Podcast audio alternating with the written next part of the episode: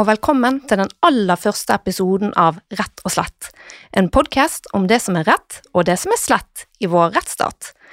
Denne podkasten er sponset av Karnov juridisk forlag, og mitt navn er Katrine Holter. Jeg er strafferettsforsker og førsteamanuensis på Politihøgskolen. Og i denne podkasten vil jeg invitere deg inn i en verden som for mange nok kan oppleves som litt lukket, men som likevel er vår alles felleseie, nemlig rettsstaten. Temaet i dag er saken om Birgitte Tengs og staten sin behandling av fetteren. Saken er nå igjen aktuell etter at en mann i 50-årene ble pågrepet og fengslet, av, fengslet i starten av september, hele 26 år etter drapet. Det er ganske sensasjonelt. Til å diskutere dette temaet har jeg fått med meg to spennende gjester. Forfatter Bjørn Olav Jahr og lagdommer Frode Elgesam. Velkommen. Tusen takk. Bjørn Olav Jahr har skrevet boken om drapet som dannet grunnlag for True Crime-serien som gikk på TV2 i 2018. Jeg eh, går neppe for langt om jeg påstår at boken var medvirkende til at Cold Case-gruppen til Kripos gjenopptok etterforskningen i 2016. Bjørn Olav vil snakke om sine møter med fetteren, og om hvilke bevis som gjorde at fetteren først ble dømt, deretter frifunnet, og så likevel dømt til å betale erstatning for drapet. Min andre gjest, Frode Elgesem, er dommer i Borgarting lagmannsrett. Han har bakgrunn som advokat, og han er leder av Raftostiftelsen, som er en ideell organisasjon som jobber for å fremme menneskerettigheter. Frode er her for å forklare hvordan det er for en dommer å dømme noen til å betale erstatning for en forbrytelse som personen samtidig frifinnes for. Med Frode her i studio så kan vi alle forvente å få bedre innsikt i hva menneskerettighetene sier om denne ordningen. Men vi begynner med deg, Bjørn Olav Jahr. Kan du starte med å gi lytterne en kort innføring i Tenk-saken? Uh, ja, det kan jeg. Um Natt til 6. mai 1995 så blir Birgitte Tengs drept på en grusvei som heter Gamle Sundsvei, ca. 500 meter hjemmefra. Eh, dette er jo et drap som er brutalt, og det ryster jo både lokalsamfunnet og hele Norge ellers. Eh, og det går nesten to år før man eh, går til en arrestasjon, og da er det fetteren til Birgitte Tengs de arresterer. Og, og det, det, er mye som skjer før den arrestasjonen også, uh, som, som, er kritikkverdig, men, men det er de, de, de, sliter med etterforskningen, og, og, de, og, det er altså fetteren de fokuserer på, og, og det som skal bli ganske knallharde avhørsrunder av ham, hvor han til slutt ender opp med å tilstå et drap han ikke husker å ha begått, og som helt åpenbart er et drap han heller ikke har begått. Um, Eh, og det var, det var, på den måten at jeg kom inn i saken selv i 2003, for da holdt en, en avhørsekspert fra politiet, Asbjørn Rachlew, holdt et foredrag på en journalistkonferanse hvor han fortalte om politiets avhørsmetoder, og hvor tilståelsesorienterte de hadde vært, da, og hvordan de ofte hadde en hypotese, og de gjorde alt det de kunne for å få bekreftet denne hypotesen. Eh, og som journalist så var det egentlig veldig lett å kjenne seg igjen i det. Altså jeg har også jobbet med saker jeg har vært ganske sikker på at noen har gjort noe som jeg ønsker å få bekreftet, eh, og da er det veldig lett å, å la seg styre av det, og alt det som teller til fordel for den hypotesen man har, det vektlegger man i større grad enn det som ikke teller, teller i samme grad. Um, og da, i 2005, så skrev jeg en, en uh, hovedsak i magasinet Dagbladet, som jeg jobbet som journalist for, eh, om falske tilståelser. Eh, og på den tiden der så var egentlig ikke falske tilståelser så veldig opp i dagen. Altså det er klart, fenomenet var jo kjent for de innvidde, holdt jeg på å si, men, men ikke for den allmenne hop, tror jeg. Og, og, da var det at jeg fikk møte da fetteren til Birgitte Tengs for første gang. Og, og, det ble jo et møte som senere førte til ja, bok igjen mange år senere, og så videre. Tusen takk for det. Altså, jeg må si at jeg syns boken din er veldig interessant, og det som man gjør, at den på en måte den drar leseren veldig inn i saken, og eh, du er så tett på at du som leser, du, du forstår så godt hvorfor fetteren ender med denne tilståelsen, som altså er falsk. Uh, og du, også, du, har også en utrolig evne til å få leseren til å på en måte kjenne på hvordan det er når systemet jobber imot deg. Um, og når man leser boken, så, så blir man òg, eller i hvert fall jeg, ble ganske sjokkert, fordi at Nå når vi i dag vet at fetteren ikke engang er mistenkt for denne saken, og tenker tilbake på det at han var, han var faktisk 17 år bare på drapstidspunktet, han var et barn, og allerede som 17-åring ble han mistenkeliggjort. Så ikke nok med at du på en måte mister kusinen din, men du blir også den antatte morderen ganske raskt. Og så går det jo disse årene, altså to år går det vel da før på en mm. måte politiet, for de legger han jo litt vekk en stund. Og så finner de interesse for han igjen, og da har han blitt 19 eh, år. Og denne bruken, denne omfattende bruken av isolasjon som han er underlagt eh, under varetektsfengslingen, eh, er jo også ganske sjokkerende, og sånn, særlig i dag når vi vet hvor skadelig det er med isolasjon. Så ja, så det er liksom det inntrykket man sitter litt igjen med. altså denne her, Wow, tenk at, at staten gjorde dette mot en som var Han var jo 19 da, så han var ikke et barn lenger, men Nei. de er ganske små, disse 19-åringene. Ja, ja, det er det er, det er rystende, uh, og det husker jeg også da jeg fikk tak i dokumentene i saken, og så jeg så hvordan disse avhørene foregikk. Og, og, fordelen med det kan du si, var at politiet fikk jo mye kritikk, for de, de, skal jo protokollere avhørene. Det gjorde de ikke. De hadde løse samtaler og preik, som de kalte det, så de holdt på nesten i tre uker med. Eh, det var først da fetteren var godt nok mørnet at de begynte å protokollere avhørene, og hvor de da fikk ham til å, til å fortelle en fortelling i eh, det de kalte altså de, Han skulle se det i et fugleperspektiv, altså skulle være, han skulle skrive et filmmanus. Eh, og han skulle skrive hvordan han trodde dette hadde skjedd. Og, etter hvert, når, når, de begynte å få en forklaring som lignet det de antok kunne være hendelsesforløpet, så ba de han om å bytte ut han med jeg i fortellingen.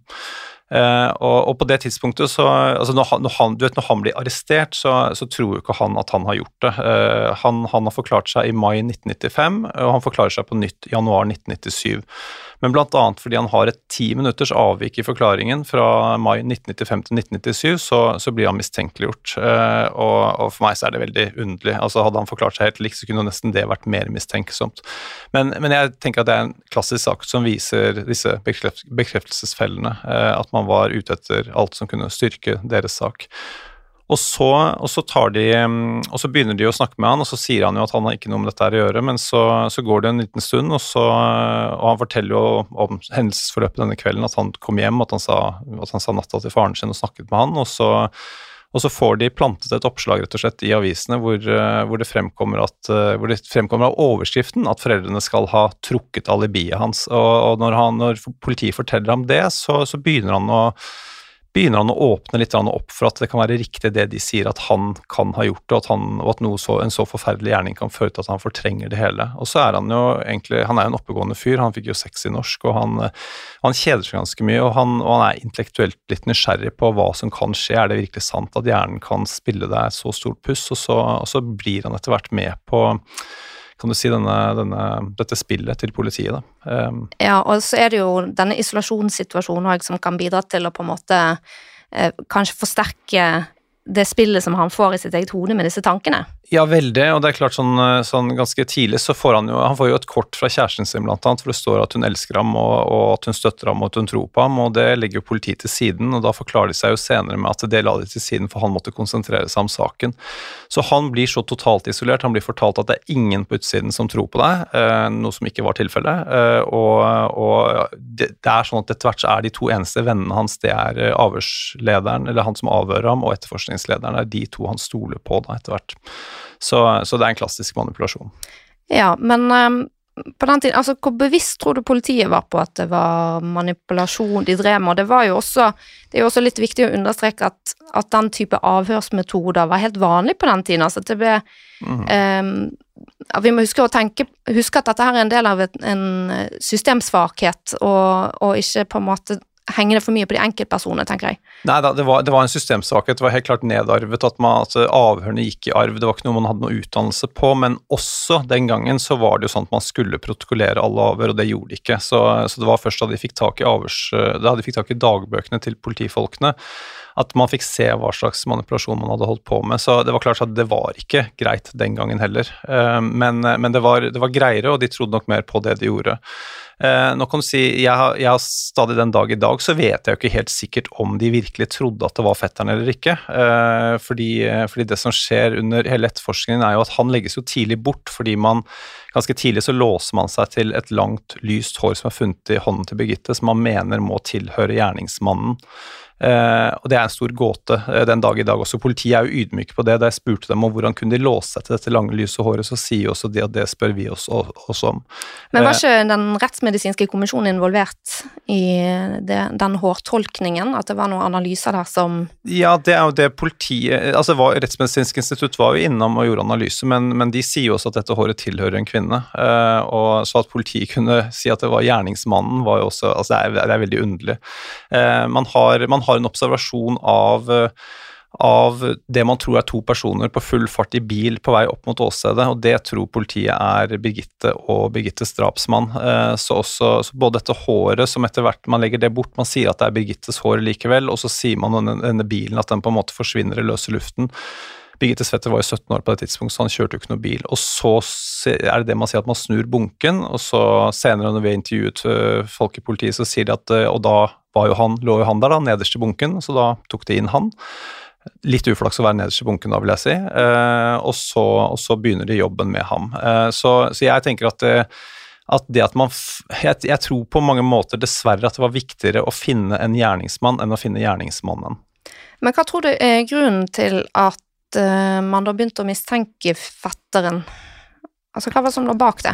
Ja, altså det som er, det var jo, det ble jo tidlig altså Det var mange rykter, og jeg har jo sett på alle dokumentene i saken, og det er veldig mange mennesker som det går veldig mange rykter om. Fetteren til Birgitte Tengs var en av de som ble utsatt for noe rykter, men det var ikke mange. Eh, det var ikke mye. Det var en gymlærer blant annet som var som mente at, eh, at, det var noe mistenkelig ved ham. Eh, og han hadde også hatt noen episoder i Karmøyhallen hvor han hadde sittet med et litt for lite håndkle rundt seg når det kom noen jenter gående forbi i garderoben og sånn. Eh, jeg vil si egentlig ikke spesielt alvorlige saker, men, men, det ble blåst opp. Og han hadde også noen reaksjoner i forbindelse med begravelsen til Birgitte, hvor han fikk Jeg vil jo si Vi kan jo ikke som et nervesammenbrudd Eh, på den annen side, man kan forstå det også. Altså, han, hadde, han, følte seg mistenkeliggjort. Han var til knallharde avhør hos politiet, eh, og, og, det var eh, Ja, det var og, og, og, så er det en vond sak til også. Det er jo at, at hans egen far er jo også litt bekymret for uh, om sønnen kan ha hatt noe med dette å gjøre. og er, Jeg stiller jo det spørsmålet i boken også. Hvor godt kjenner du din 17 år gamle sønn? Det er, det er er, men, men, jeg opplever også faren hans som veldig veldig ærlig og veldig opptatt av å finne sannheten. Så jeg tenkte at hvis gutten min har hatt noe med dette å gjøre, så må vi finne ut av det og sånt. Så, så, en form for rettskaffenhet, egentlig, da? Det var det absolutt. Mm. Men eh, det er jo litt sånn i, i strafferettsteorien og bevisteorien så snakker man om et eh, fortellingsperspektiv når man er i retten, altså at man legger frem ulike fortellinger, og så skal jo de helst um, Fortellingene som blir presentert, skal jo helst kunne underbygges av det som kalles slutningsperspektivet, altså at du har enkelte beviser som du kan trekke sikre konklusjoner ifra. Mm. Uh, og det beste er jo når man kan kombinere disse to perspektivene for å på en måte danne et, et bevisbilde. Um, men det som slår meg òg når jeg leser boken din, uh, er jo at denne fortellingen som da politiet tror på, om at det er fetteren som har gjort det, den er jo så lite plausibel. Mm. Altså, uh, som du skriver, han, han, ble ganske tidlig bedt om å ta av seg på overkroppen etter uh, drapsdagen for å undersøke om det finnes merker der, og han har jo ingen merker på kroppen til tross for at de mener jo at det har vært en dødskamp mellom Birgitte, som var eh, trent i karate, og hundestrapsmann. Likevel er det ingen merker på overkroppen hans, de finner ingen spor etter blod på hans klær eller ting, eh, gjenstander. Det er vanskelig å tenke seg noe motiv, altså eh, Det òg fremstår veldig tynt, i alle fall, og oppkonstruert. Eh, du kan kanskje si litt eh, om det motivet, men bare det siste er jo også det her med at uh, han skulle være moduskandidat. Ok, når du var litt yngre, så var det noen situasjoner der du hadde et litt kort uh, håndkle på deg uh, i en garderobe, og noen passerte og syntes det var ubehagelig, og så var det vel en situasjon der han hadde um, kommet borti brystet på en, på en yngre jente i treningsrommet mens han hjalp henne med noen vekter, sånn som mm. jeg husker det riktig. Ja. vil du kommentere på det? Altså, er det Hvor plausibel var den fortellingen som politiet drev med, og hvordan kan man ende opp med å lage en så eh, konstruert eller lite, lite plausibel fortelling og få domstolene til å kjøpe den i ettertid. Altså nå, nå, bruker jeg litt sånn uheldig språk, for jeg tror ikke at politiet gjorde det her med vilje, så det er ikke det at de var ute for å få politiet til å kjøpe den historien. Men uh, du skjønner hva jeg mener? Ja, jeg tror, ja eh, det, er, det er veldig interessant. Det er mange ting her. Jeg tenker at Det som, eh, som er interessant her, er jo at um, denne jakken som han har på seg, det er helt ubestridt hvilken jakke han har på seg denne kvelden. og Den, er, den gjennomsøker de jo for alt som er av spor, og de finner ikke noe spor på den. Og Dette drapet på Birgitte det er brutalt. Hun blir slept til sammen 46 meter. Hun veier 66 kilo, så det er klart at uh, det er veldig lite trolig at ikke, at ikke det vil være avsatt noen merker på en gjerningsmannsjakke. Uh, om ikke han hadde hatt den på seg, så ville han jo for så vidt smitte over etterkant og sånne ting. Så, så, det at det ikke er noen merker på den jakken, er ganske interessant. Um, når det gjelder den forklaringen hans, som, uh, som du sier, uh, jeg syns det er veldig interessant fordi de klarer å få frem en forklaring som ikke så, så ikke nødvendigvis virker helt uh, feil ut fra hvordan han forklarer seg. Men så stopper den uh, forklaringen, på en måte, fordi, fordi, det som skjer, at han, han har jo en sykkel nede i Kopervik sentrum som han må ned og hente etter drapet.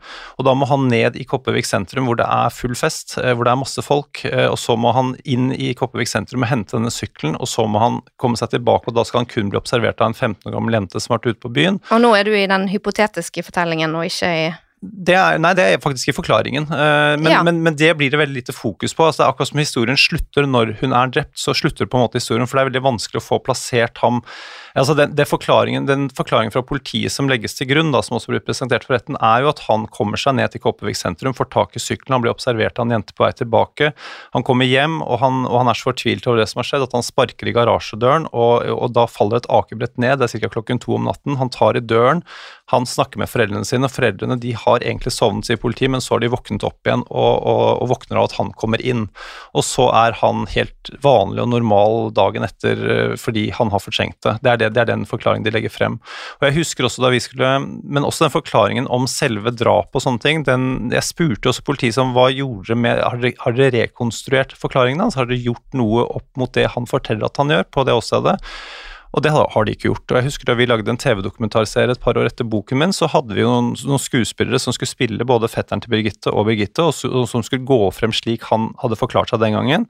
Og da husker jeg de stoppet opp på dette her, dette er helt kun, altså Det var ingenting som stemte med forklaringen og bevegelsen og sånne ting. så, så så det var egentlig sånn, ja. Og jeg husker også det var veldig interessant, for det var en i Han ble jo dømt i herredsretten, eh, og da var det en varameddommer som vi også intervjuer i denne TV-dokumentarserien, og og han var veldig frustrert over det. Han sa at han, han kunne ikke forstå hvordan man kunne eh, hvordan man kunne mene at, at, at, han For det står i dommen at vi kan ikke utelukke at han kunne hatt, kunne, kan ha hatt litt blod på hendene sine, eh, og det er alt. Og da sier han at det er veldig han sier at disse folka som har skrevet den dommen, kan jo aldri vært ute i praktisk arbeid før. Og Han selv hadde jo da kommet hjem, og så spør han sin kone, som han sier veier 50 kilo, altså 16 kilo mindre enn Birgitte, han spør om hun kan legge seg ned på gulvet så han kan trekke henne litt rundt. da. Og man sier bare at det er kjempetungt. Eh, og da kan tenke deg ute i ulendt terreng med en 66 kilo tung jente, og, og, det er mørkt, eh, og det er 46 meter, og man skal ikke ha satt av seg noe spor, så det er ikke logisk. Eh, og, var, og, da, og da, tenker jeg også at, at man, I den dommen så virker man veldig um, ivrig på å dømme, da, rett og slett, syns jeg. Ja, um, men, men, det var jo uh, en annen kandidat uh, også som ble lagt frem, altså en hypotese om det her for politiet, og det er jo denne mannen som i dag er siktet for drapet, og som sitter varetektsfengslet for det nå. Hvorfor ble ikke han sjekket ut av saken bedre? Nei, Det er veldig interessant. Eh, og det, er, det, som skjer der, er jo at eh, allerede fire dager etter drapet så tipser jo hans tidligere psykolog politiet om at han forsøkte å drepe henne fem år tidligere. Han forsøkte å kvele henne. Snoren han kvelte med, den, eh, den røk, og det var også grunnen til at det ikke ble noe mer enn et drapsforsøk, kan du si. Eh, og, og, han eh, Men da tar politiet først så tror de at han er til soning, så de skriver til soning spørsmålstegn og legger han til litt til side. Og så viser det seg senere at en lensmann tipser om at han er ikke til soning, han er ute og kjører bil, faktisk. Eh, da, men da tar den heller ikke inn, for da, har de, da har de, tror de at gjerningsmannen skal ha langt, lyst hår, og han har kort, mørkt hår. Eh, så det går syv måneder før han tas inn til avhør, og når han da tas inn til avhør, så så er det et par interessante ting ved forklaringen hans. Jeg mener Det at folk lyver i avhør, betyr selvfølgelig ikke at de nødvendigvis er skyldige, men han distanserer seg f.eks. veldig fra åstedet. Han har jobbet like ved åstedet i flere, et par år, og, og han forteller at alltid at han kjørte seks kilometer omvei frem og tilbake. Dette fortsetter ikke politiet å bore noe i, da. Og så går det et helt år til, og da har de snudd bunken eh, som jeg var inne på tidligere. og hvor de da både har fått dette For det er to ting som etterforskningen er styrt av hårsporet og bilsporet. Hårsporet, dette lange, lyse håret, det legger de bort. De sier at det tilhører Birgitte likevel. Men så er det bilen. Den, den er fortsatt inne i bildet. Og da, da, tar de alle inn alle de som er ute og kjører alene, som ikke har noe alibi. Det er 13 stykker. De kaller dem 13 enere. Eh, og blant disse så er det da denne personen som i dag er siktet. Eh, og, og da begynner de å gjøre en del etterforskning rundt ham som er veldig interessant, og, han, eh, og det er flere jenter som forteller på Birgittes alder som forteller at de pleier å haike med han, og, og han lyver om tidspunktet der, og, de begynner å nærme seg noe, men, men for å helt ærlig, da tror jeg de har bestemt seg for fetteren til Birgitte. Jeg tror disse bilførerne er kun inne i saken for at de skal si at de skal, skal sjekke dem ut. Han blir et slags hår i suppa, kan du si, for han er han er en ganske, ganske farlig person, eh, som helt åpenbart har det rette moduset. Eh, og så, så, de står, Satt på spissen så står de igjen med to personer. De står igjen med han, og de står igjen med fetteren, og så legger, de velger å legge han bort, og så går de for fetteren.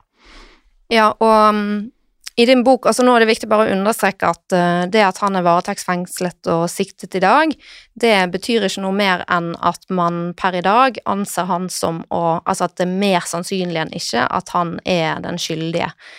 Um, så, men når det er sagt, så har jo du i boken din valgt å på en måte peke litt på denne kandidaten.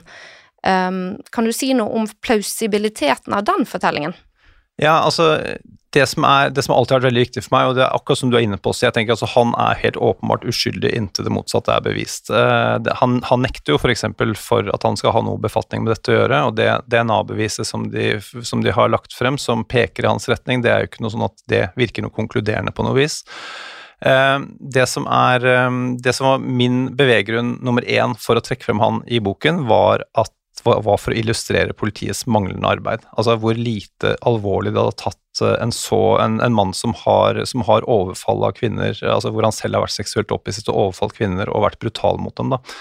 At ikke de har fått noe, for, noe mer interesse for ham, det syns jeg var veldig merkelig. Og så er det jo et moment til også at det var en politisekretær som, som var interessert i ham, og skrev, og skrev fyldig rapport om ham som hun leverte politiet, og den, den neglisjerte de. Eh, så, så det er, det, han, han, illustrerer dessverre politiets eh, dårlige etterforskningsarbeid ganske godt. Ja, og hun politiet eh, hva skal vi kalle henne, sekretær? Ja. Politisekretæren. Altså, hun, hun beskriver jo hennes rolle i boken òg, og det er jo veldig imponerende det hun gjorde i denne saken. og Hadde hun noen betydning for frifinnelsen i lagmannsretten, tror du? Ja, hun syns jeg, jeg, jeg tenker at sånn, Hvis man skal si at det er en helt i denne historien, her, så vil jeg si det er henne. Eh, fordi hun um, For det første så gjør hun et veldig grundig arbeid, et politiarbeid. Hun har veldig respekt for politiets arbeid. Hun, hun, hun, ringer inn først anonymt for å fortelle om dette tipset, og hun uh, og hun, og hun, den dagen når de arresterer fetteren, så blir hun egentlig litt skamfull over at hun på en måte har vært så fokusert på sin kandidat.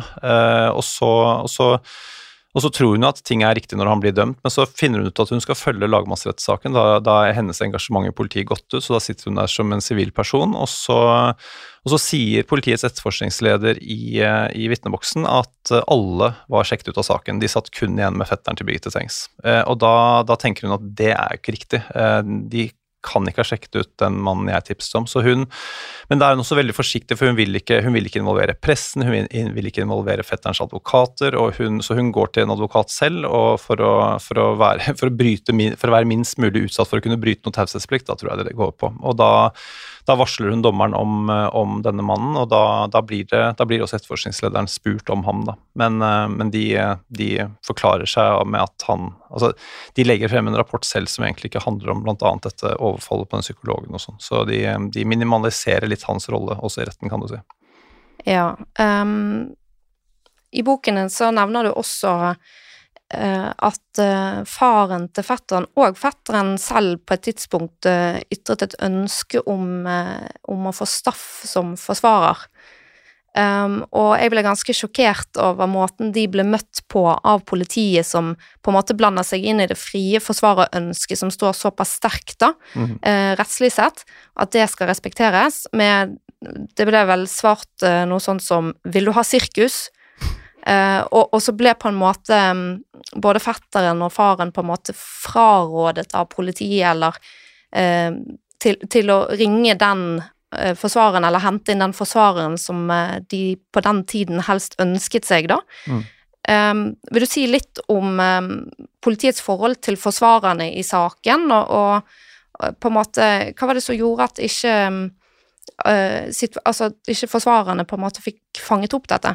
Ja, ja det er interessant det med at de, det er litt sånn, litt sånn, satt på spissen, så virker det som om alle ba om staff i sin tid. altså var vel Han var kanskje Norges mest kjente advokat. Uh, og og hvis ikke du har hatt noen befatning med politiet tidligere, så, vel, så har du vel ikke så god greie på advokatene. Eh, nå ble det oppnevnt en advokat, og det var Arvid Sjødin fra Stavanger. og han eh, ganske raskt så, så, lot han seg overtale av politiets historie. Han, han trodde som, som, politiet at de satt med rette mann, eh, og, og, var ikke til stede under avhørene. og, og gikk jo også ut i pressen da, da tilståelsen kom og, og, sa at dette var en, var en tilståelse uten forbehold, og det, det, kan jeg faktisk ikke skjønne at han kunne si. For det fetteren sier når han er ferdig med å tilstå at jeg håper dere er fornøyd, men jeg husker ingenting. Så det var jo en tilståelse med kraftig forbehold. Men, eh, men, eh, han hadde rett og slett en advokat som ikke var helt eh, på ballen, kan du si, og, og, men som skjønte det selv etter hvert, og som, og som, valgte selv å tre til side da saken kom opp i lagmannsretten, fordi han heller ville være vitne i saken, for det han tenkte at det ville være det beste for Birgitte Svetter. Og da kom advokat Sigurd Klomsæt inn i stedet. Mm. Var det sånn at på en måte politiet jobbet for å få forsvareren ut av rommet? Eh, det kan nok kanskje virke sånn, men jeg er litt usikker på det også. Jeg tror kanskje ikke det var så vanskelig. Eh, jeg tror ikke han jobbet så hardt for å komme inn i rommet heller. Eh, så, mm. så ja, nei, jeg Og jeg tror egentlig at jeg tror egentlig at fetteren til Birgitte Tengs hadde Og jeg tror også Sjødin hadde kanskje litt problemer med å nå inn til fetteren, for jeg tror, jeg tror fetteren var ganske han var på en måte veldig på lag med disse politifolkene. Han hadde veldig tillit til dem. Jeg tror han hadde mer tillit til politiet enn han hadde til sin egen forsvarer. Mm. Han har jo også sagt, uh, altså Sjødin har jo sagt det med deg i ettertid, at uh, han var så overbevist om at klienten var uskyldig at han ville vurdere å avslutte advokatpraksisen om han ble dømt. Uh, så jeg syns at Sjødin har imponert i ettertid med, med alt det han har gjort for å prøve å få rettet opp igjen i det som skjedde? Ja da, dette var, dette var uttalelser han kom med i forbindelse med da saken kom opp for herredsretten, tror jeg. Eh, og, og, um, så det er helt klart ja, han, han, har stått på han i etterkant for at, uh, for at uh, fetteren skal komme best mulig ut av det. Og så har jo du møtt fetteren flere ganger. Vil du si noe om ditt, din opplevelse av disse møtene?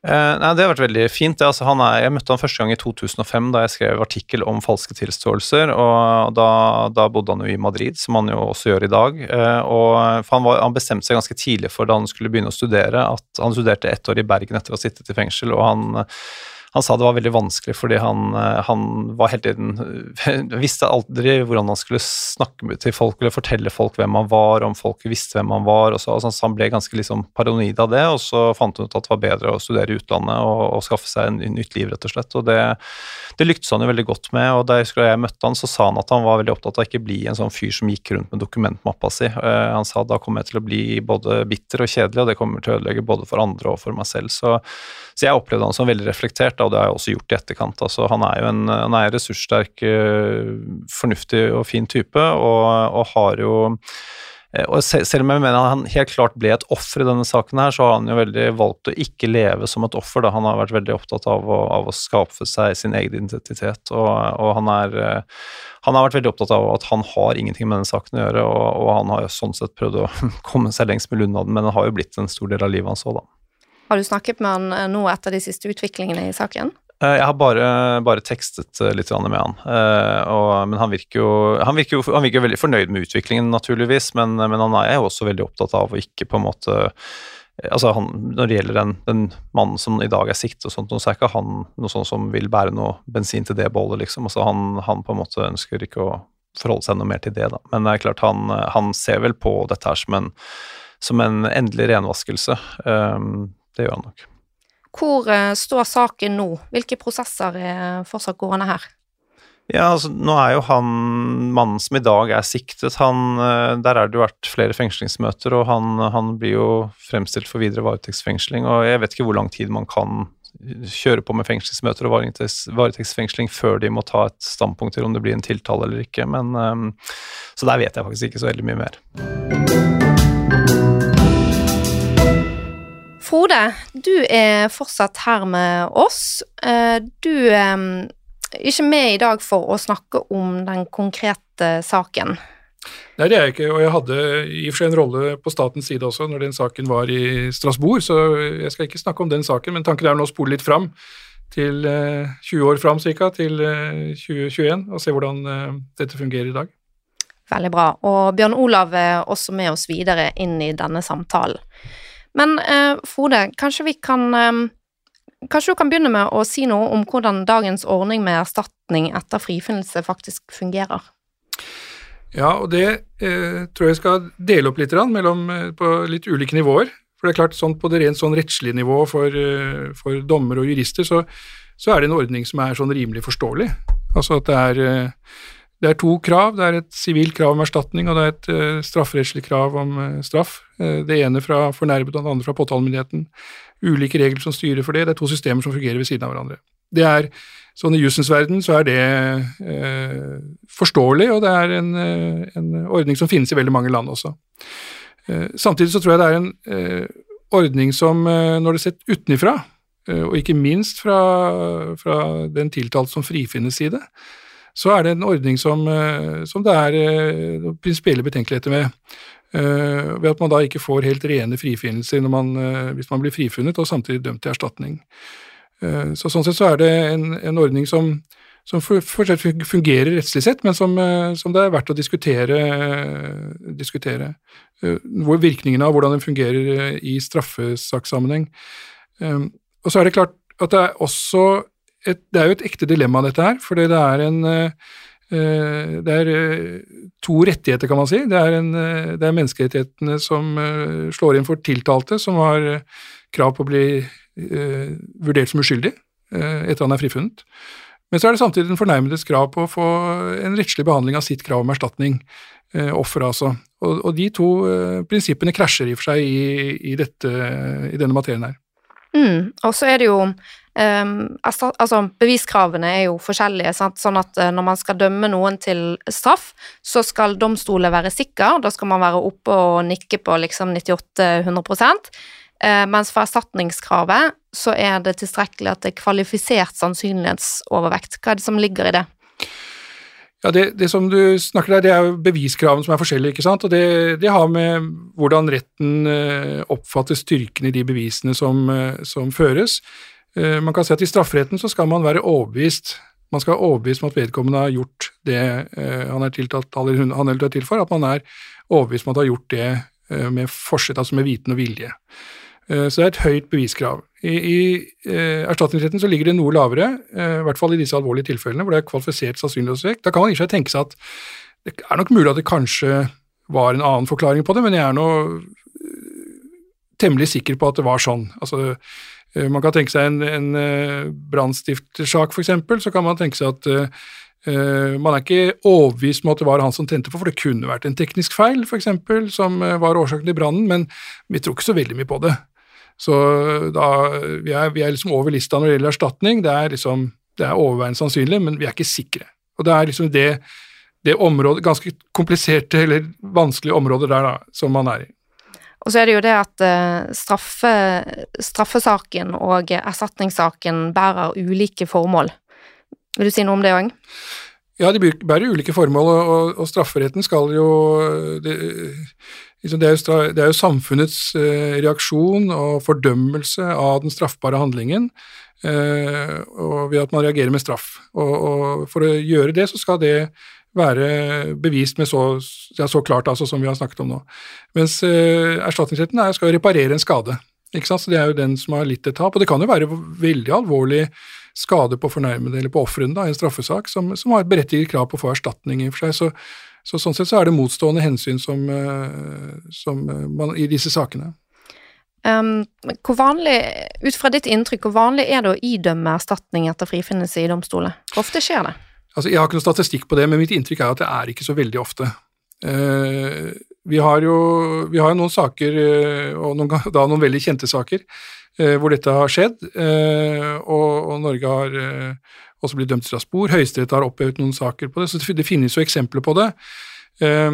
Og, men mitt inntrykk er at i de fleste saker, så hvis påtalemyndighetens sak ikke bærer, så bærer den heller ikke til erstatning. Det er ofte resultatet, er nå mitt sånn hovedinntrykk. Det, og det gjelder vel, men, men, drap så er det vel nesten bare denne saken, Birgitte Tengs-saken, hvor, hvor, man først har blitt frikjent strafferettslig og dømt sivilrettslig. Altså I andre saker som sier brannstiftsaker, voldtektssaker og sånn, så vil jeg tro at det er mye vanligere, men i drapssaker er det vel svært sjelden. Som sagt så har jeg ikke noe statistikk på det, men jeg vet, det, det skjer jo selvfølgelig, og er, det er en mulighet som ligger der for domstolene, men, men, eh, men jeg tror jeg ville tippe i hvert fall at uh, i de fleste frifinnelser så, så faller også erstatningskravet. Det vil jeg tro. Og så er det vel heller ikke så mange frifinnelser å ta av på drapssaker? Det er det vel uh, kanskje ikke heller, nei. Men um, skal vi se um, Vil du si noe om uskyldspresumpsjonen? For dette her, altså hvordan aktualiserer denne tematikken uskyldspresumpsjonen, og hva er det for noe? Uskyldspresumsjon er, altså, er et menneskerettslig prinsipp eh, som eh, sikrer at den som er eh, Eller at alle, egentlig, skal bli ansett som uskyldig inntil det motsatte er bevist i, eh, i en straffesak. Eh, og Det gjelder også etter en frifinnelse. så Etter at du er frifunnet, så har du også krav på å bli behandlet som uskyldig. Eh, og, og, Det er jo det som reiser da problemet i forhold til den etterfølgende erstatningssaken, som kanskje skal bedømme det samme, samme faktiske forhold men da etter andre, andre beviskrav. Eh, og da er det jo utfordringene oppstår for domstolene som skal formulere dette i en dom, selvfølgelig. Eh, og, det har vi jo for sitt Høyesteretts dom på at det er vanskelig, for det har, har Høyesterett sagt veldig klart at dette er et, uh, dette er et vanskelig område når det gjelder, for, for når det gjelder domskrivning. For det man må da, i den sivile delen av saken, altså det som gjelder erstatningskravet, så må man da skrive slik at det ikke sås tvil om straff, straff, frifinnelsen i straffesaken. Ja, og det henger jo da sammen med den EMD-dommen som der Norge ble felt nettopp for å ha krenket fetteren sine menneskerettigheter. Og da var det ikke det at man hadde en sånn ordning at man kan idømme erstatning etter en frifinnelse. Det er ikke problematisk i seg sjøl ut ifra menneskerettighetene. Men eh, det var måten det var begrunnet på, at man i lagmannsretten hadde etter juryen sin frifinnelse så hadde de tre fagdommerne likevel begrunnet erstatningsdommen på en måte som undergravde den frifinnelsen og den renvaskingsfunksjonen som ligger til frifinnelsen. Eh, man sier jo på en måte strafferettslig, sant, så skal man da si at eh, du gjorde det ikke, og så kommer man med erstatningsdommen, og så sier man ja, jo da, det skjedde likevel. Ja, og dette er, dette er komplisert, en komplisert materie, men Eh, som, altså på den ene side så er det helt opplagt at dette er et system som er akseptert uh, i veldig mange land, og i, i Menneskerettighetsdomstolen. Så, så, det er ikke noe, som du sa, det er ikke, noen, er ikke noe hinder for å ha et sånt system.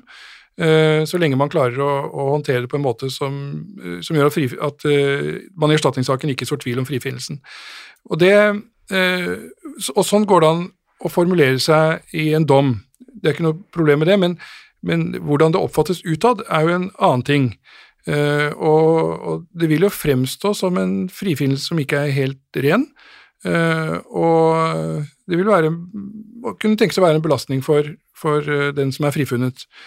Og det er jo det som er bakgrunnen for den debatten som er rundt dette, ikke sant? Og, og, og det som er foreslått av straffeprosesslovutvalget bl.a., om å ha en garantiordning som gjør at man får den erstatningen uten at man trenger å, å argumentere rundt uh, erstatningsvilkårene uh, i en straffesak etter frifinnelse. Uh, et spørsmål til deg, Bjørn Olav. Altså, du um, skrev i boken din et sted at erstatningsdommen mot fetteren ble på en måte en frifinnelse av politiet sine, sine etterforskningsmetoder, og vil du utdype litt hva du mente med det? Ja, jeg tenker at, eh, at med den dommen så, så satte man jo et skyldestempel skyldigstempel på Birgitte Svetter, og man satte et godkjentstempel på politiets etterforskning. Eh, og, og det, det, tror jeg på en måte at man, man lenge kunne hvile seg på, da. Uh, at etterforskningen var ikke så gal egentlig, og vi hadde egentlig tatt den rette mannen, men vi hadde bare ikke tilstrekkelig nok med bevis til å kunne få ham dømt. Det var det som var tonen, da. Uh, mens, uh, mens, jeg legger særlig merke til sånn da jeg jo kritiserer jo veldig mye av etterforskningen i min bok i 2015, da, da, da den kom ut, så, så, var man veldig opptatt av avhørsmetoden og hvor feilaktig de hadde vært. Da. Så det var på en måte blitt fokus. Mens eh, nå, etter at uh, den mannen jeg omtaler mest i min bok, ble siktet, så, så, har også mediene vært veldig opptatt av etterforskningsmetodene til politiet ellers, også i saken. Uh, og, og de var, det var ikke bra. Og, og det, det, hadde fortjent et sterkere søkelys mye tidligere, men, men jeg tror den der sivilrettslige dommen i sin tid gjorde sitt til at man hadde et sånt godkjentstempel, rett og slett. Ja. Klarte media å på en måte formidle ut dette her med ulike beviskrav? Altså Gjorde media tilstrekkelig for å på en måte forklare hvorfor det er sånn? Ja, der tror jeg egentlig mediene har prøvd å altså For det var sånn tidlig, så, så tenker jeg at eh, mediene i Birgitte Tengs-saken kunne vært mer årvåkne, bl.a. stilt med spørsmål ved den forklaringen som uh, ved, ved, ved, fetterens hele forklaring da, hvor, hvor, lite logisk og plausibel den var. Da. Eh, men, eh, men, da han kom for retten, så, så, var det ganske mange i mediene som nok, var, som nok tvilte, og kanskje også var, var, klare på at han kunne være uskyldig. Og, og, det er jo en fin ting ved saken at han har jo faktisk aldri blitt navngitt, eh, så der tok man jo klart hensyn. Og senere i saken så, så tror jeg nok at mediene vil si at mediene har dekket den saken rimelig bra. Um, Frode, du, du, nevnte dette her med at uh, man må være forsiktig på hvordan man begrunner dommen for å ikke ende opp med å komme i konflikt med uskyldspresumpsjonen. Um, Høyesterett har vel sagt at uh, for at man ikke skal så tvil om frifinnelsen, så må man presisere i dommen at det er ulike erstatningskrav, og man må skrive begrunnelsen på en måte der man ikke bruker de ordene som man bruker i, når man vurderer det strafferettslig, sånn at man gir minst mulig assosiasjoner til den vurderingen som man skal gjøre på, på straffespørsmålet. Og så kan det òg hende at man må klargjøre Altså at man må presisere i dommen at det at man idømmer erstatning, ikke rokker ved denne frifinnelsen. Uh, og så er jo det dette her med, som du var inne på, er dette her i det hele tatt egnet til å forhindre folkets dom? Fordi det er vel ikke så mange som leser uh, dommen, og jeg mener at det etterlatte inntrykk av en sånn dom er at uh, vi vet hvem den skyldige er, vi kan bare ikke bevise det. sånn at den type avgjørelse er på sett og vis også egnet til å, å undergrave domsavsigelser mer generelt, fordi at man på en måte uttrykker uansett at rettssystemet har sviktet, enten så har man ikke klart å bevise til en, til en felles straffedom at denne personen er gjerningsperson, eller så har man dømt en uskyldig til erstatning på et lavere beviskrav. Um, men hvordan er det for, eh, for dommerne å sitte og, og, skrive disse avgjørelsene, og hvordan, hvordan fungerer det når dere sitter sammen med, med dommerne? Det, det er vanskelige dommer å skrive, og man balanserer jo på en måte på kanten av eh, menneskerettighetene hele tiden, og det er jo en, eh, kan være et litt ubehagelig sted å være.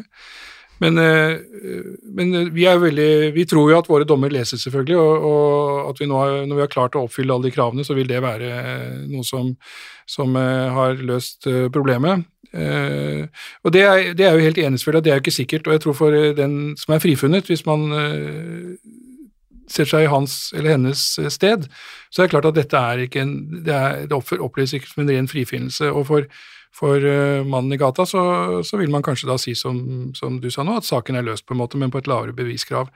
Og Det er jo det som er som sagt, bakgrunnen for den debatten som er om, uh, om dette er system som skal opprettholdes. Men hvordan gjør man det samtidig som man da sikrer de, de legitime rettighetene til å kreve erstatning? Eh, bare si én ting når det gjelder utvikling. Jeg tror de fleste sakene hvor dette har vært eh, et stort problem, så er fra den tiden vi hadde juryet. Og da, da situasjonen enda mer si, kom enda mer på spissen, for fra juryen fikk du bare et rent ja eller nei. Eh, og Hvis du fikk et rent nei fra juryen, og så sitter fagdommeren sin etterpå og skriver en begrunnelse for erstatning, så blir det veldig vanskelig å skille, for du, noe, du har ikke noen begrunnelse for frifinnelsen.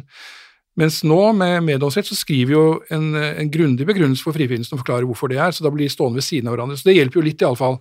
Men, eh, men samtidig så vil det være en eh, Selvfølgelig oppleves, det tror jeg bare man må, må forstå, at eh, det opp, må oppleves av, av den frifunne som en, som en frifinnelse som ikke er helt ren. Hvordan er det for meddommerne, da? Forstår de dette, eller hvordan reagerer de på den ordningen? Eller jeg antar at de forstår det, men hvordan reagerer de på den ordningen? Veldig altså meddommere, Det er veldig spennende å jobbe med meddommere, og de kommer jo selvfølgelig Det er et tverrsnitt av befolkningen. Der kommer det alle mulig slags folk med ulike bakgrunner og ulike oppfatninger, og man har vel eh, like ulike oppfatninger om det blant meddommere som, eh, som man finner ellers. Veldig spennende å diskutere med dem. Eh, men det er ofte en reaksjon at liksom, går det an? At vi må starte der, er det For det, det kan jeg si at selv om det er relativt sjelden at vi skriver sånne dommer, så diskuterer vi jo spørsmålet ganske ofte. Fordi vi må jo alltid, Når vi starter en straffesak, så må vi alltid redegjøre for det som er problemstillingen i saken, og det er alltid et erstatningskrav med, så må vi forklare hva det er for noe. Og, så vi diskuterer dette ofte med meddommere. Og jeg tror på den ene siden at de, de forstår disse, måte, disse, grunnleggende uh, juridiske tingene, det, det, klarer vi å forklare, men det er nok mange som, har, som, som reagerer på det. Og så tenker man kanskje også, og det er jo en del av debatten det også, man tenker også at uh, kanskje noen syns det er en fin mellomløsning også, å dømme til erstatning, uh, frifinne dømme til erstatning, at det er en grei mellomløsning hvis man er litt i tvil. Det er nok en del psykologi ute og går her også, vi er bare mennesker, både fagdommere og meddommere, så, så det kan slå uh, det kan slå ut flere man, Eller man frykter jo at det kan slå ut flere veier i de liksom, vurderingene som man gjør, nemlig enten at man frifinner og finner at det er en, en uh, fin mellomløsning, eller at man f.eks. ikke idømmer erstatning for man syns det ikke går an når, når, man først har frifunnet. Så der finner man nok alle varianter. Ja, ikke sant. Um, er det noen situasjoner der du opplever det som mer eller som mindre problematisk enn ellers å idømme erstatning etter en frifinnelse? Nei, det tror jeg er vanskelig å skille på. Uh, dette er uh, Straffesakene er jo veldig alvorlige saker, altså. Slik at, øh, og, og, Min opplevelse av norske dommere er at de tar dette, tar dette på alvor, og at det er, det er, et stort alvor over det, både det å dømme og, og, det å frifinne og dømme til erstatning. Så det er et stort alvor over det. Uh, og det er klart, Jussen er slik den er, og hvis man er i det landskapet, så må man ta stilling til dette og, følge det som er, som er jussen i det, liksom. Uh, og Mitt inntrykk er at det er et stort alvor over disse spørsmålene. Altså. Uh, og Jeg tror ikke det er noe lettere i noen sammenhenger enn andre. Straffesaker er jo alvorlige selv om, for, for, alle tiltalte, tror jeg. Selv om det er en drapssak eller en uh, trafikkforseelse, så å si, så, så, kan det med ulikt ståsted i sosialt og i livet, så kan det være kjempedramatisk å, å, få en straffesak over seg, som den er stor eller liten. Så det prøver vi å behandle med stort alvor. Um, i 2016 eh, så hadde vi et uh, offentlig oppnevnt utvalg som la frem forslag til en ny straffeprosesslov. Straffeprosessloven er jo den loven som regulerer uh, prosessregler, altså hvordan ting fungerer, systemreglene for behandlingen av straffesaker i domstoler. Um, dette utvalget kom med et forslag om å endre denne ordningen som ikke ble så veldig godt uh, tatt imot av uh, politikerne på det de har uttalt seg om det, og, så det har ikke skjedd så mye mer, og, det også Det ble også på en måte stemt litt ned i, i uh, høringsrunden, blant annet av Riksadvokaten. Um, men det som de ville på en måte tilbake til, det var den ordningen som vi hadde etter den forrige straffeprosessloven, som ble avløst av dagens straffeprosesslov i 1981 Eh, og i den gamle loven så var det noe som heter ensrettingsprinsippet. Og det betyr at eh, straffekravet og erstatningskravet må pådømmes i samme retning. At hvis du frifinner for straff, så det, var det ikke anledning til å dømme til eh, erstatning. Og så har man jo gjort eh, et større arbeid eh, med å styrke fornærmedes rettigheter, og det gjorde man også når man på dette punktet, da, når man, man eh, innførte 1981 straffeprosessloven, eh, og, og, åpnet derfor for at du fortsatt kunne få erstatning selv om man fri, frifant for straff. Eh, og det var jo en god ordning for fornærmede, fordi at de slipper da å gå til en egen sivil sak for å få på, pådømt dette erstatningskravet sitt. Um, men det som straffeprosesslovutvalget foreslo, det var jo at um, man kunne innføre en statlig garantiordning, og da skulle det være sånn at uh, staten at, at uh, påtalemyndigheten, idet de tar ut en tiltale i saken, altså tiltale, da, da sier vi at vi skal gå til retten og, og mener at personen at det kan bevises utover enhver rimelig tvil at denne personen har gjort det, da tar man ut en tiltale, og det er det som setter i gang hovedforhandlingen i en straffesak. Um, og um, Da var tanken til straffeprosesslovutvalget at påtalemyndigheten garanterer for erstatning til fornærmede for det tilfellet at gjerningspersonen blir frifunnet for straff, eh, sånn at da vil eh, fornærmede eh, få erstatning automatisk ved at det er tatt ut en tiltale. Um, og, og, da på en måte trer staten inn i det erstatningskravet. Så åpnet de samtidig for en uh, unntaksmulighet for situasjoner der det f.eks. kommer frem i retten at fornærmede har løyet om noe. Altså, da er vi i en typisk en voldtektssak eller noe sånt. Um, og jeg bare lurer litt på, Frode, hva tenker du om uh, det forslaget som har lagt frem? Jeg har selv skrevet en kronikk om dette her i Bergens Tidende for noen uker siden, der jeg er i utgangspunktet positiv til ordningen, men jeg mener at det er uheldig med denne unntaksmuligheten. Eh, skal det først være en garantiordning, så må den være absolutt. Da må man kunne si etterpå at det at det ble tatt ut en tiltale det, Altså at idømmelsen av erstatning betyr ikke noe mer enn det at det ble tatt ut en tiltale. Ikke sant? For hvis du har en mulighet til å unnta, så vil du i de tilfellene der eh, tiltalte blir frifunnet for straff, eh, men retten velger å ikke unnta erstatningskravet, så åpner du fremdeles for spekulasjoner om skyld. Hva, hva tenker du om dette? Det første tenker jeg at det er en ganske, at det er et, et, eh, godt forslag og en viktig debatt, altså sånn at uh, prinsipielt sett.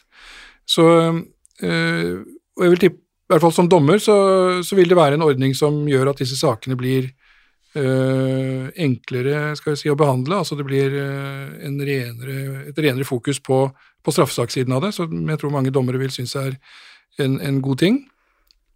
Uh, og, og, det vil jo løse dette problemet med at man ikke får, uh, at man ikke, at man får frifinnelser som ikke er rene. Uh, og som, for, som, da vil, være, vil styrke på en måte rett, tiltalt eller frifunnes rettigheter. så i det perspektivet syns jeg dette er et, et, godt forslag som det, være, som det er riktig å jobbe videre med. Uh, og så er det spørsmål om hvordan den kan rammes inn. For det første så er det jo spørsmål skal den gjelde alle straffesaker. Da blir det et ganske stort statlig ansvar her, slik at det blir en, en, en svær ordning. Samtidig er det jo alltid da problemet med å avgrense hvilke saker skal innenfor, hvilke utenfor osv. Mm, det som er foreslått, er alvorlige integritetskrenkelser. Ja. Så, men som jeg sa i stad, så er det jo slik at uh, for tiltalte så er enhver straffesak kjempeviktig. Uh, stor eller liten, eller uansett hva det gjelder, og, og det kan, disse problemene kan oppstå i alle typer straffesaker i og for seg. Men, uh, men, det er jo der det er mest praktisk, antageligvis. Så, men avgrensningen blir et, blir et spørsmål, og så er det jo det med om man skal gjøre, kunne gjøre unntak. og det det er et vanskelig spørsmål, egentlig. Det kan jo da skape de samme problemene igjen, at frifinnelsen ikke blir helt ren, at man, skaper, at man, stiller spørsmål eller spekulerer om, om det likevel var en uh, riktig frifinnelse.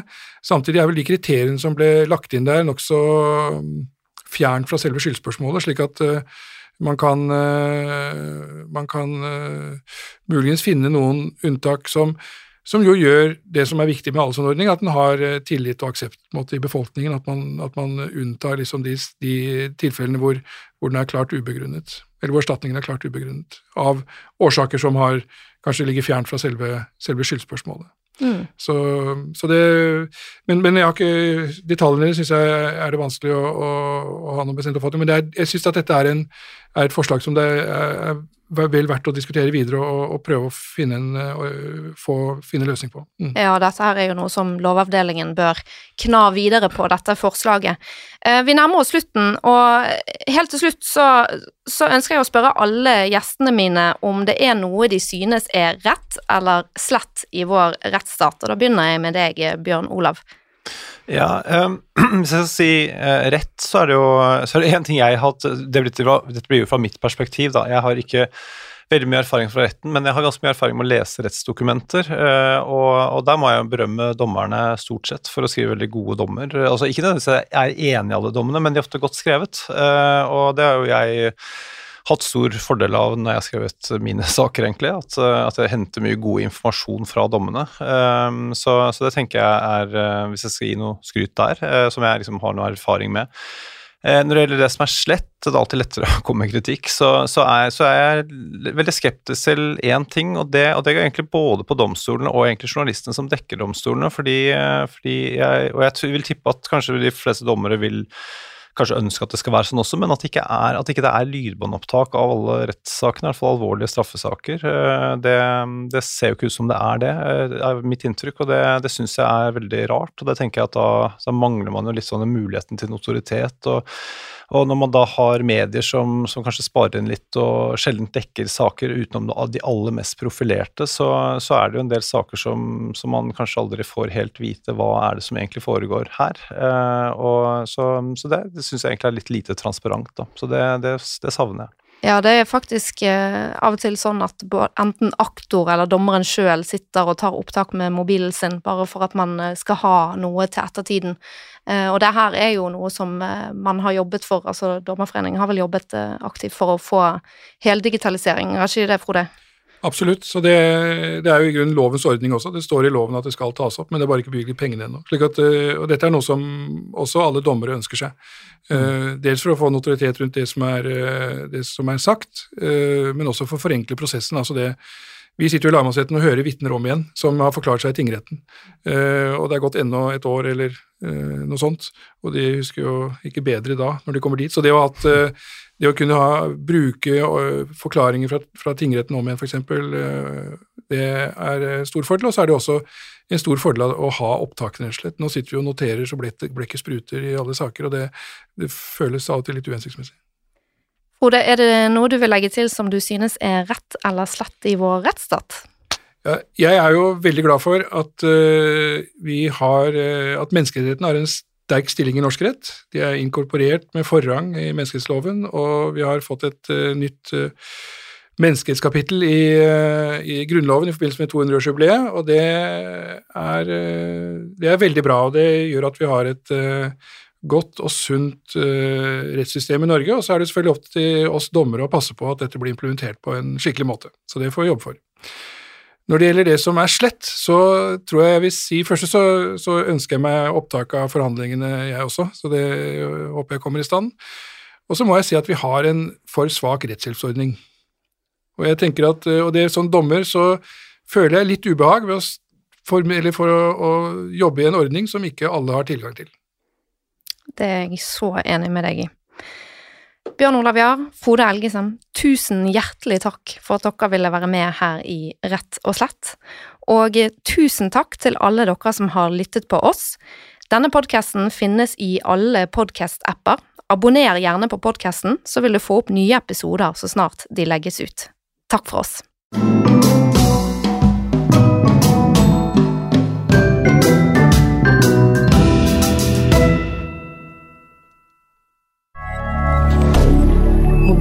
Moderne media.